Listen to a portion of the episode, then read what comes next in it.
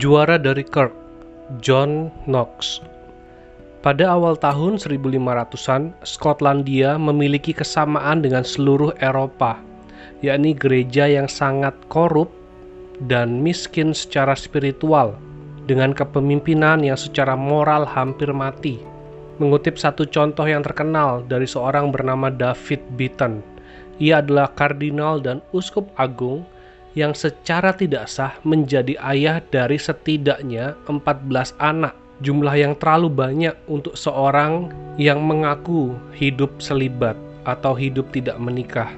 Kebobrokan spiritual begitu parah sehingga seorang bernama George Buchanan dapat mengklaim bahwa Beberapa imam mengira bahwa Perjanjian Baru adalah buku yang baru-baru saja diterbitkan oleh Martin Luther pada waktu itu, karena mereka memang tidak membaca Alkitab secara jelas sampai mereka tidak tahu mengenai Perjanjian Lama dan Perjanjian Baru. Di sinilah hadir sosok bernama John Knox dan reformasi terjadi. John Knox lahir di Haddington di Lothian Timur antara tahun 1513 sampai 1515.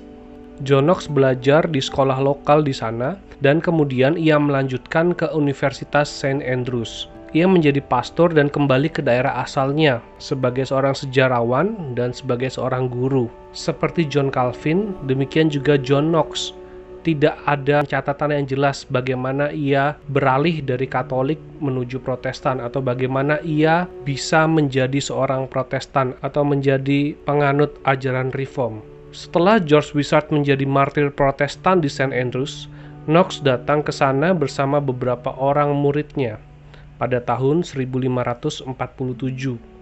Di sana mereka bergabung dengan kelompok reformis yang tinggal di sebuah kastil di sana. Di sana John Knox pun ditunjuk untuk berkhotbah, tetapi dia menolak. Namun sebagai gantinya, ia dipaksa untuk menerima panggilan sebagai pelayan mereka. Tetapi itu hanya berlangsung dalam hitungan bulan karena kastil tersebut dikepung oleh kapal-kapal pasukan Perancis yang berada di Teluk St. Andrews. Akhirnya John Knox dan yang lainnya ditangkap dan menjadi tahanan dan budak dapur selama satu setengah tahun berikutnya. Pada tahun 1549, John Knox dibebaskan dan ia pergi ke Inggris. Di sana dia mengembalakan jemaat di kota Berwick, kemudian ia pindah ke Newcastle, dan kemudian dia menjadi pendeta kerajaan pada masa Raja Edward ke-6. Kematian Raja Edward ke-6 pada tahun 1553 merupakan pukulan telak bagi kaum reformasi di Inggris. Karena setelah Raja Edward VI meninggal, Ratu Mary Tudor dinobatkan sebagai pemimpin Inggris. John Knox menyebut Ratu Mary Tudor ini seperti Ratu Isabel dalam kisah Perjanjian Lama.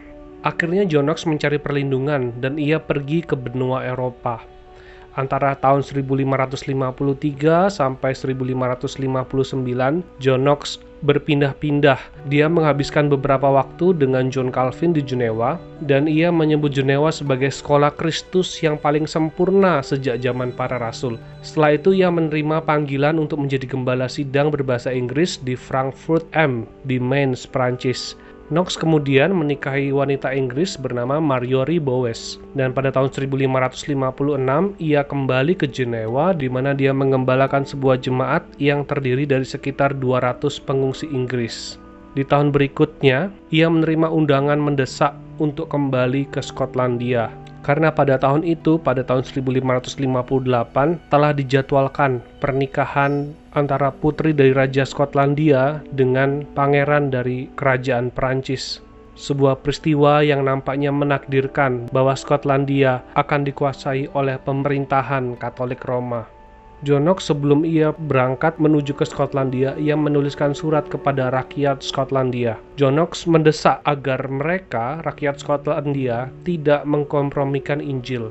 Dia mengingatkan mereka bahwa mereka harus bertanggung jawab atas tindakan mereka di hadapan tahta pengadilan Allah. Satu kutipan dari surat John kepada rakyat Skotlandia berisi demikian. Untuk mereka yang beralasan bahwa kami hanyalah rakyat biasa, kami tidak dapat memperbaiki kesalahan dari para penguasa dan uskup dan imam kami. Kami ingin mengadakan reformasi, tetapi kami dipaksa untuk mematuhi semua yang diminta dan diperintahkan oleh para pemimpin. John Knox mengatakan alasan demikian adalah alasan yang sia-sia, tidak ada gunanya bagi Anda di hadirat Tuhan. Dan surat itu nampaknya menggugah rakyat Skotlandia untuk mereka terus menyuarakan reformasi, menyuarakan praktek-praktek kehidupan gereja yang benar. Dan pada tahun 1559, John Knox akhirnya kembali ke kampung halamannya untuk memulai fase terpenting dalam pelayanan publiknya sebagai juara dari Kirk, istilah Skotlandia untuk gereja.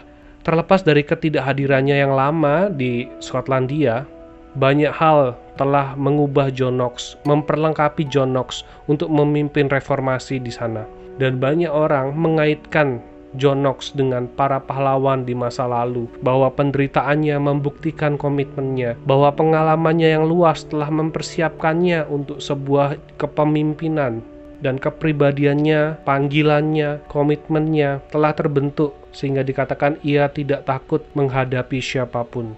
Dan John Knox berjuang di dalam reformasi Skotlandia selama 13 tahun. Pada musim panas 1572, John Knox telah menyadari kondisi kesehatannya dan ia jelas merasakan bahwa ia tidak lama lagi ada di dunia. Dan benar pada tanggal 24 November, dia meminta istrinya untuk membacakan 1 Korintus pasal 15 di mana ayat yang ke-58 di situ tertulis karena itu saudara-saudara yang kekasih berdirilah teguh jangan goyah dan giatlah selalu dalam pekerjaan Tuhan.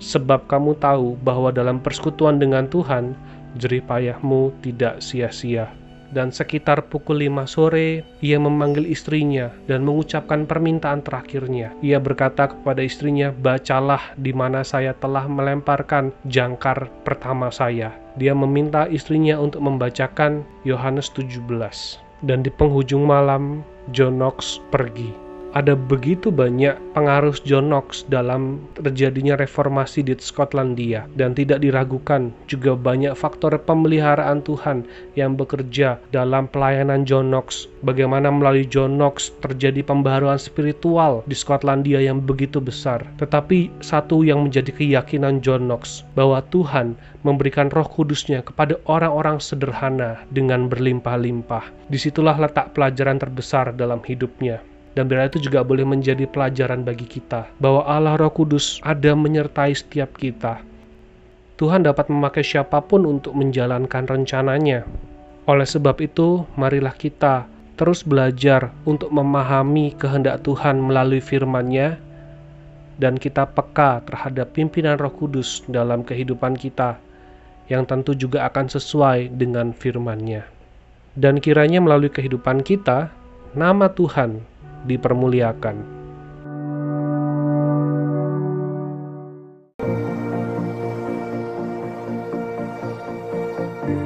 Terima kasih buat kamu yang sudah mendengarkan podcast ini sampai akhir.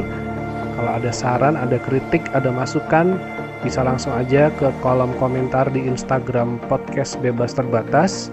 Kalau kalian ada pertanyaan mengenai iman Kristen, mengenai Alkitab, atau dukungan doa, bisa aja langsung DM di Instagram podcast bebas terbatas. Tuhan Yesus memberkati.